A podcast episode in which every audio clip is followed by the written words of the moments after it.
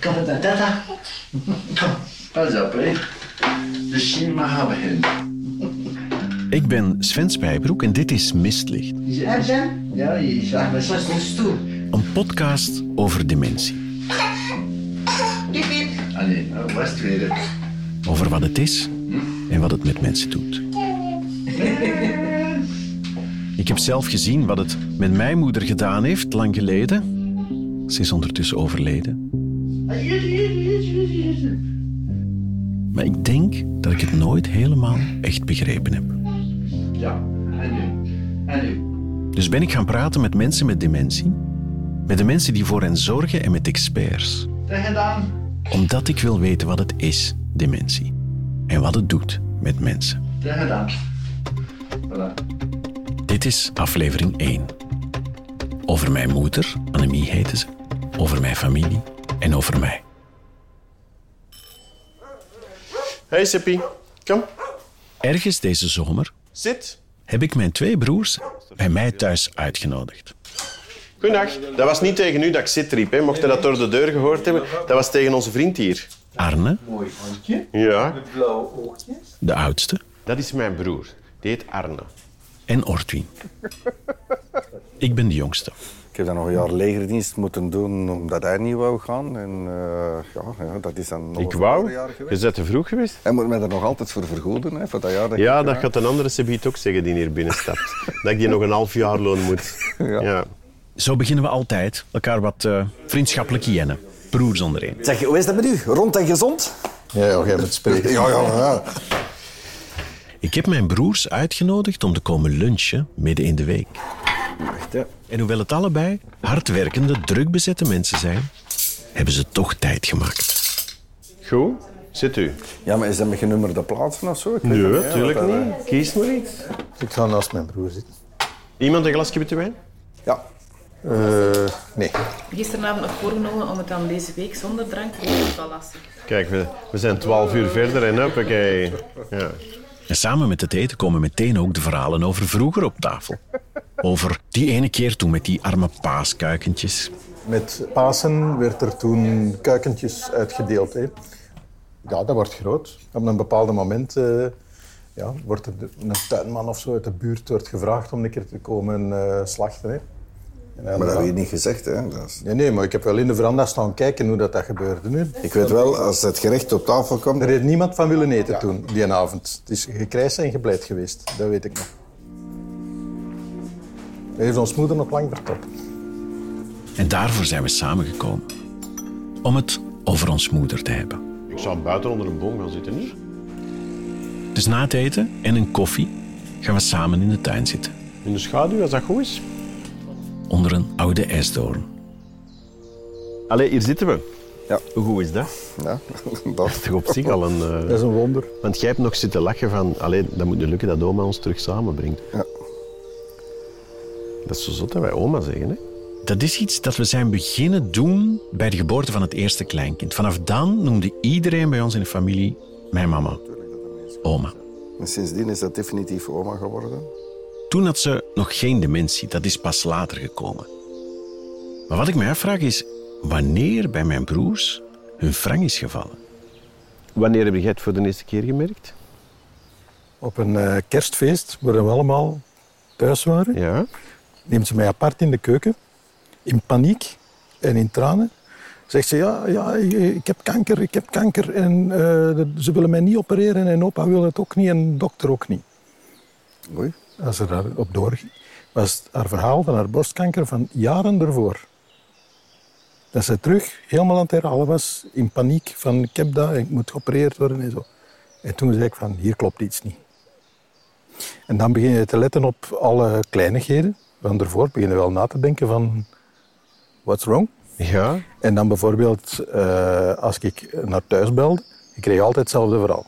Altijd diezelfde, wat heb je gedaan hè, vandaag? Eh, ja, we hebben in Hof gewerkt en opa heeft dit en dat. Maar of dat ik de dag daarna belde, of de week daarna, dan kreeg je zo van...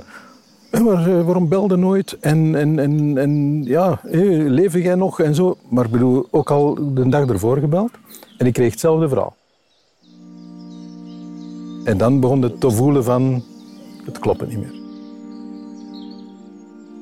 Er zijn foto's van hun jubilee, Van hun 50ste huwelijk. van hun 50 huwelijksverjaardag, waar dat je op het beeld ziet van die een blik is afwezig. Je komt er langs, je zegt van, oh, opa pakt oma een stukje vast en trekt eens een keer een foto. En als vader die staat er eigenlijk nog heel, heel, heel lucide, goed te lachen. Hè. Maar ik had gezegd van, kijk, Allee, maak eens een keer een... eh, mijn, mijn eeuwige grap altijd van... eh, maak eens een foto voor op je doodsprentje. Hè. Ja, moest ermee lachen. En, eh, en als vader pakt als moeder zo vast zo echt zo een, ja, een, een, een heel hartelijke, hartelijke manier van vastpakken. En, en de, blik, de blik in de ogen van ons moeder is eigenlijk zo een beetje verward. Wat sta ik hier te doen? Zo Ja, zo wat meewarig. En op die moment, als je achteraf dat ziet, dan zie je het gewoon in die ogen.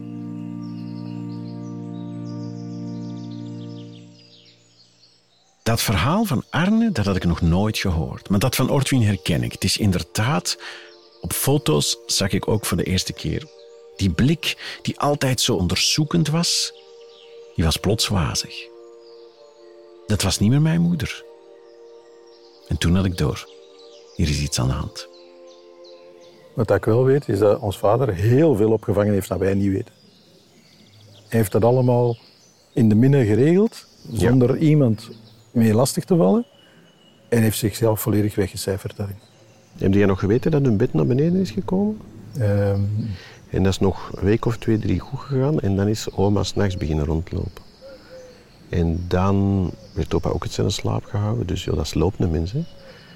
En op twee weken was die gaar. Was die echt compleet kapot van niet meer te slapen.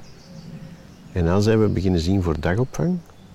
En dat weekend, of die vrijdag, is in de badkamer gevallen, heeft er been Ja. gebroken, is het ziekenhuis ingegaan. En is er nooit niet meer uitgekomen.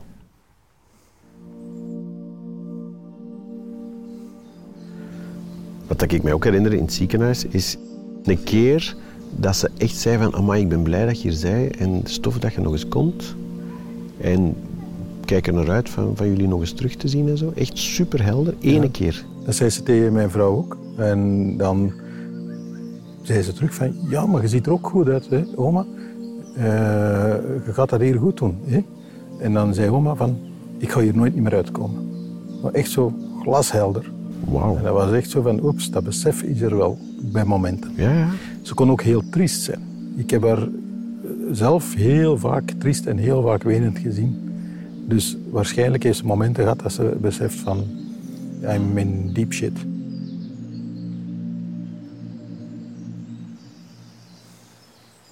Op een gegeven moment was dat...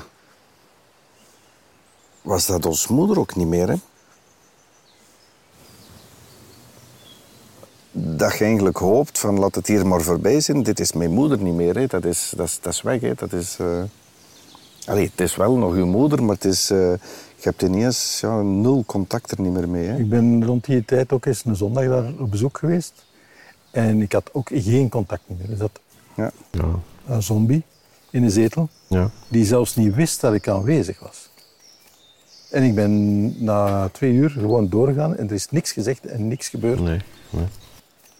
Die persoon was daar precies niet meer. En dat was zeer confronterend.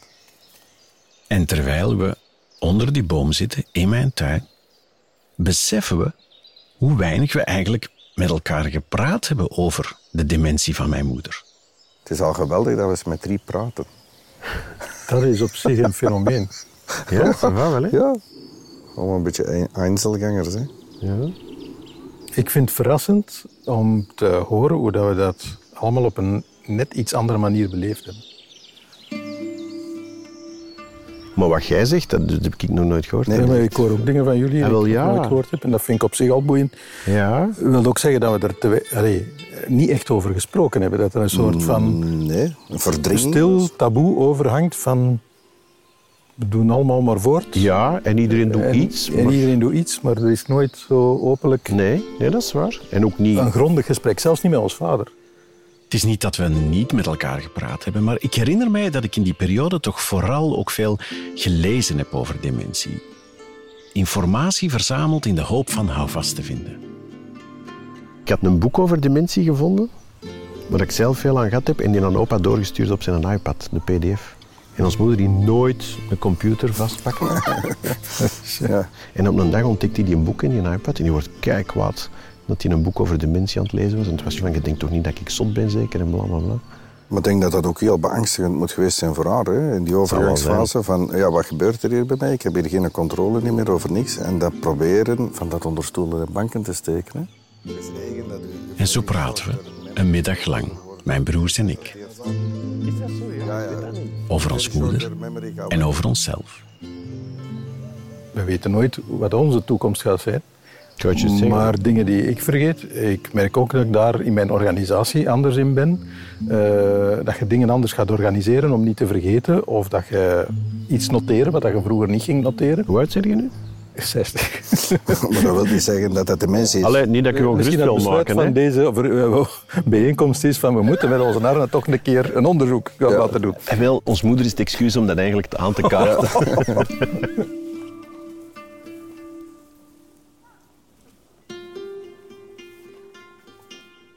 Een van de boeken waar ik heel veel aan gehad heb was De heldere eenvoud van dementie van Huub Buijsen. Dus ik dacht, die mens wil ik ontmoeten. Dus ik naar Tilburg. Papiertje aan de voordeur. Sven, bel is stuk. SVP achterom lopen, door houten poort, op achterdeur aankloppen. Tot zo. Huub Buijsen is psychogerontoloog. Hij houdt zich bezig met wat oude mensen denken en voelen. Hoi. Hallo, dag Huub, ik Hoi. ben Sven. Hij heeft al meer dan 40 boeken geschreven, waarvan een groot aantal over dementie. Ik heb de pech dat zowel mijn vader als mijn moeder allebei dementie hebben gehad. Dus mijn vader kreeg het op zijn 58ste. En mijn moeder kreeg tien jaar later dementie. En toen ben ik zeven jaar lang elk weekend naar huis gegaan in Limburg, waar mijn moeder woonde in een grote boerderij, om op te passen. Ik had geluk dat ik acht broers en drie zussen had, waar we een beetje het rooster mee konden verdelen. Toen Huub in het weekend bij zijn moeder was, begon hij na te denken over dementie. En hij bedacht gaandeweg twee wetten. alles wat je nu hoort, dat komt binnen in je korte termijngeheugen. Dat blijft zeg maar maximaal een minuut. En als je het echt belangrijk vindt, dan wordt het weggeschreven naar het grote lange geheugen. Wat er nou bij dementie gebeurt, is dat je het overdragen van het korte naar lange geheugen, dat lukt niet meer. Het bijzondere is dat alles wat je voor het moment dat je dementie kreeg, wat je toen opgeslagen hebt, dat het nog wel beschikbaar is als je weet zeg maar, dat je het wegschrijven niet meer lukt, maar de oude informatie wel beschikbaar is, dan snap je ook van wat je s'morgens gegeten hebt, ben je kwijt. Want vergelijk het maar met ehm, het schrijven in een dagboek. En voorheen schreef je met permanente inkt. En nu schrijf je op het moment dat je dementie krijgt met snel vervagende inkt. Dus na een paar minuten kun je niet meer lezen wat er staat. Maar wat er geschreven was, kun je wel nog steeds raadplegen. En dan snap je ook dat mensen steeds dezelfde dingen vragen. Of dat ze verdwalen in een onbekende omgeving. Dat ze geen plannen kunnen onthouden. Verjaardagen vergeten. Maar daarna treedt er een tweede dementiewet in werking. En dan moet ik even teruggaan naar die eh, dagboekenbibliotheek. Bij het begin van de dementie, de eerste paar jaar, kun je dus raadplegen wat je de eerste 60, 65 jaar opgeslagen hebt. Maar later verdwijnen ook de boeken van de latere jaren, dus van, maar van achter naar voren.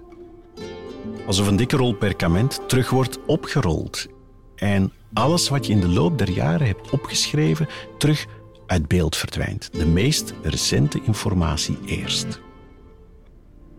De namen van je collega's, hoe een computer werkt, de talen die je hebt leren spreken, hoe je koffie zet, de namen van je kinderen, de namen van je partner. Tot de beginjaren er over zijn. Jaar na jaar wordt uitgewist.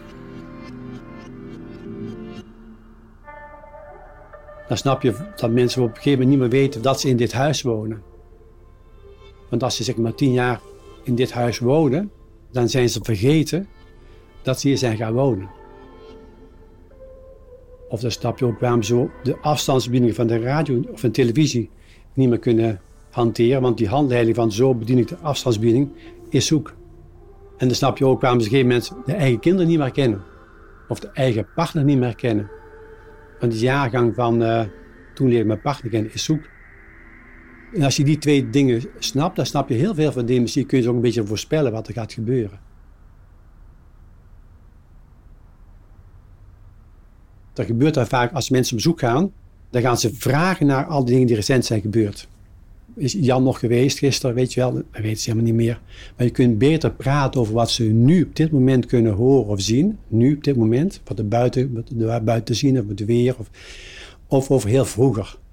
Daar kun je altijd over praten. Misschien helpt het als je bedenkt dat je toch nog altijd wel een band met iemand kunt houden. Door op gevoelsniveau te communiceren. Samen te genieten.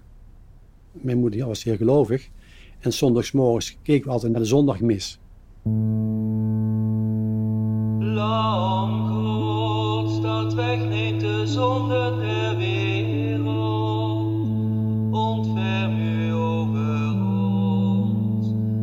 De zong heel ijverig mee. Ze kon al die uh, teksten kon ze perfect uit de hoofd. Daar genoot ik ook van. Of als kleinkind op bezoek kwam. Dus genieten, dat kan altijd. Misschien helpt het ook het geheugen een klein beetje minder grote plaats te geven. Vaak wel mensen van, weet je nog, precies tien jaar geleden waar je die dag van genoten hebt. Vandaag tien jaar geleden. En zo zijn er heel veel dagen in je leven waar je niet meer kunt herinneren. Maar zijn die dan allemaal waardeloos geweest? Is alleen datgene van waarde wat je onthouden hebt. En dan vertelt hij iets heel bijzonders. Zijn grootste inzicht over dementie kreeg Huub van zijn moeder zelf. Ik heb het letterlijk opgeschreven meteen toen ze verteld had. Toen mijn vader op laatst niks meer wist, vader van mijn moeder, toen bleef ik tegen hem praten. Ik bleef ook praten toen mijn man verkinste, want niemand is graag alleen. Veel oude mensen kunnen of weten niks meer. Maar dan moet je ook tegen hen blijven praten. Want als je dat niet doet, dan worden deze oude mensen eenzaam. Maar Huub, blijf met mij in gesprek. Blijf tegen me praten.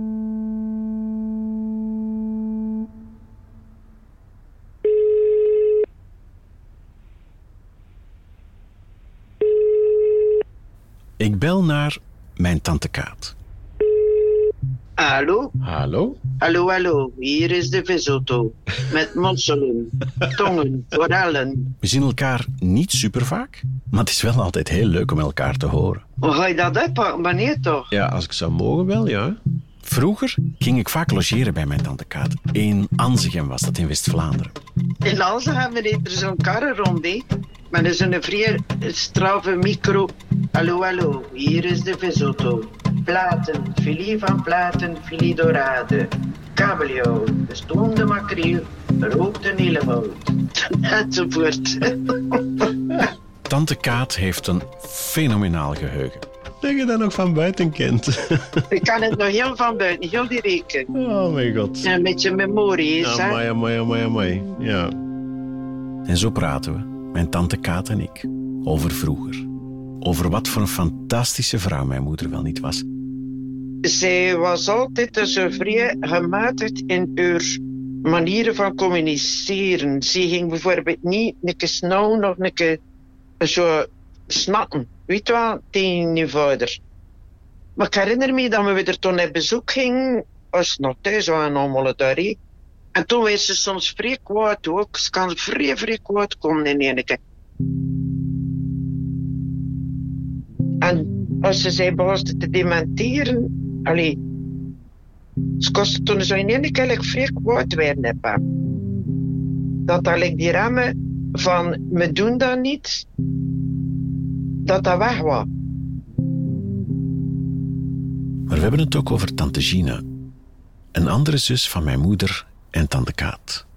Gina ging naar het koor in Kuurne. En daarachter ging ze op café in de kroon in Kuurne plaatsen. En uh, ze zat te toppen met haar vriendin, zo'n vrij gezellige ook, Agnes. En soms zongen ze dat op, toen achter dat koor nog soort vullenliedje dan op. Of een verseke, ook soms een verseke. En de vrijdagavond regelmatig ging een telefoon. En dat was China. Kaat, we zoeken hier achter een liedje en we vinden het niet en hij had dat nog weten. Omdat ik een vrij goed in hè. En ze zei toen waarover dat ging. En ik zong het toen dat liedje gewoon. Ja, dat is, is het. Er is een heel mooi filmpje van Gina die op restaurant met een glas wijn in de hand een groep liedjes zit te zingen. En ik herinner mij ook dat ze op familiefeesten altijd naast haar bord een moppenboek had liggen, waar ze dan met veel plezier uit voorlas. Dat was mijn tante Gina. Lang geleden. Het is geen toeval dat we het over tante Gina hebben, want zij heeft ook dementie.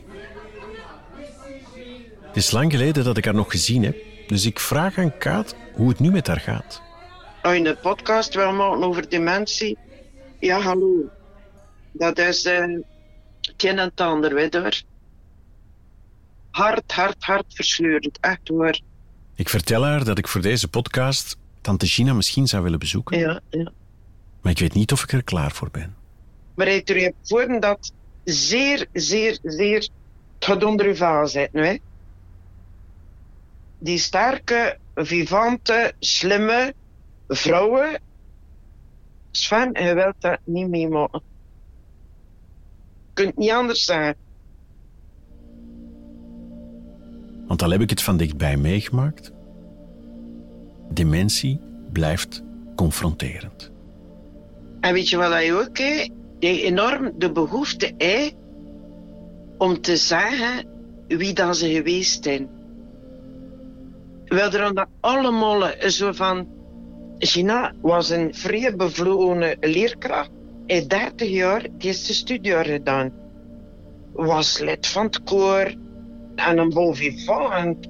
Ja, iemand die veel in het leven stond aan de nood van het leven enzovoort. En die, die, die, ah, het zijn geen woorden voor.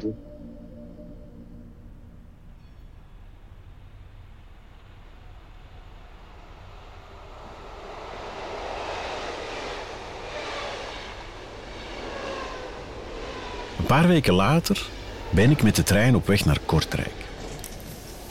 Ik word aan het station opgewacht door Lien, mijn nicht, de dochter van tante Gina. We gaan samen op bezoek. Dus hier uh, op woning 1. Dan bel ik. Ja, Maar dat is hier allemaal op slot. ja.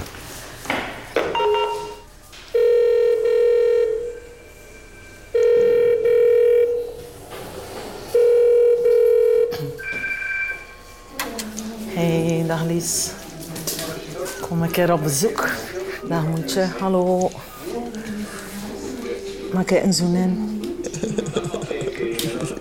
En een zoen geven. Niet laten. Gewoon een zoen. Ja. Weet je wie nou het mee? hè? Ken je iemand mee dat je kent? Dag tante Gina. Weet je nog wie dat dan is? Helemaal. Ja? Sven. Hé, Sven van Tante Annemie. Dat is lang geleden, hè? Ja, amai, zus. Ja. Amai, amai, amai. Ik ben blij van je te zien. Nee. Wil je keer je kamer toe en dan Sven moe? Hé? Een keer naar je kamer gaan? Hm? Hé? Ja, hé. Dat is hier onze mooie kamer. Ja. Voilà, voilà. Ja. Hier woont ze dus. Hier woont Moeke. Ja. Eentje. Dat is je kamer, hè, Moeke? Het is een kamer die uitkijkt op de straat. Een kerk, bomen, wandelaars. En op het bed, een ziekenhuisbed, ligt een kussen met een foto van tante Gina en tante Kaat. De kus met haar zuster dat ze moet missen soms. dat was nog in het begin als Moeken hier zat. Ja. God zeg. Ja, hé. Wat? Die kus, Moeken, waar hij op staat met tante Kaat. Hé? Ja, hé. Lien gaat zitten in de zetel aan het raam dat uitkijkt op de straat. Tante Gina zit tegenover haar in haar rolstoel. En ik zit op haar bed. We zijn met z'n drieën even stil en kijken naar buiten. We hebben ons plekje in de hof aan het water. Waar dan we dan... Dat ik dan echt... Je moet echt in haar ogen kijken. En dan gaat ze wel zo'n keer op dingen antwoorden. Of het iets soms duidelijker zijn Oké. dan anders. Want dat zijn dan de intieme momentjes tussen ons. Ja. Terwijl ik met Gina en Lien daar in de kamer zit, moet ik denken aan de filmpjes van tante Gina. Zij die lacht en uit volle borst zingt, terwijl de wijn in haar glas meewalst op de maat van de muziek en naast haar bord haar moppenboek. En in mijn gedachten zit mijn moeder ook mee aan die feesttafel, in stilte te genieten. Laat je een liedje zingen, Moeke. Hm? Ik zing van à la Claire Fontaine. Mo. Ga je mee proberen te zingen? Hé? Maar je hebt veel gezongen, niet Moeke? Hé? Een beetje vele, hé? Ja, hé?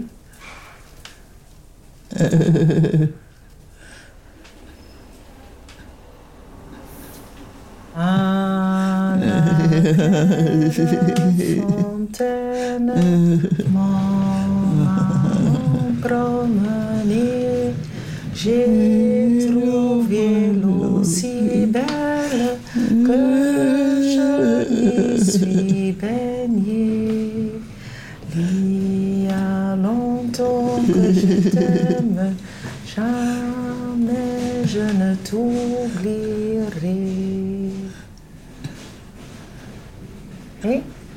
dat nog een moetje? Word je een stukje vergeten, weet je? Ja, maar hij toch al kunnen mee, een groot stap meezingen, nee?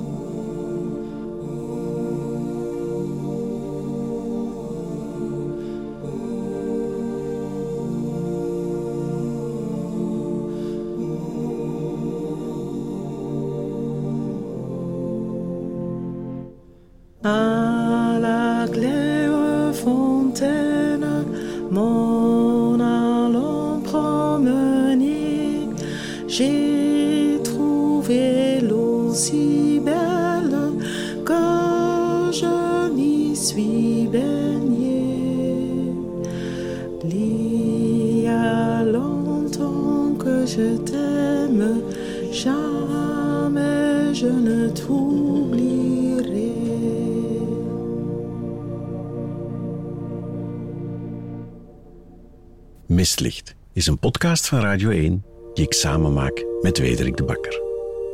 De muziek die je hoort is van Frederik de Klerk. In samenwerking met Expertisecentrum Dementie Vlaanderen en Alzheimer Liga Vlaanderen. Je vindt meer informatie op www.omgaanmetdementie.be schuine streep mistlicht. In een volgende aflevering hoor je het verhaal van Ingrid. Zij kwam via een ruggenprik al heel vroeg te weten dat ze dementie heeft. In feite, zou ik zeggen, Alzheimer neemt uw leven over. Om de paar weken gaat ze op stap met lotgenoten van Het Ventiel. Rechte deur, Ingrid. Dat is een vereniging van mensen met en zonder dementie. Soms fietsen ze een berg op, soms gaan ze wandelen, soms minigolfen. Dat is een uitlaatklep voor mij. Maar dus hier kunnen... Ventileren. Oh. Dat is gewoon, hè.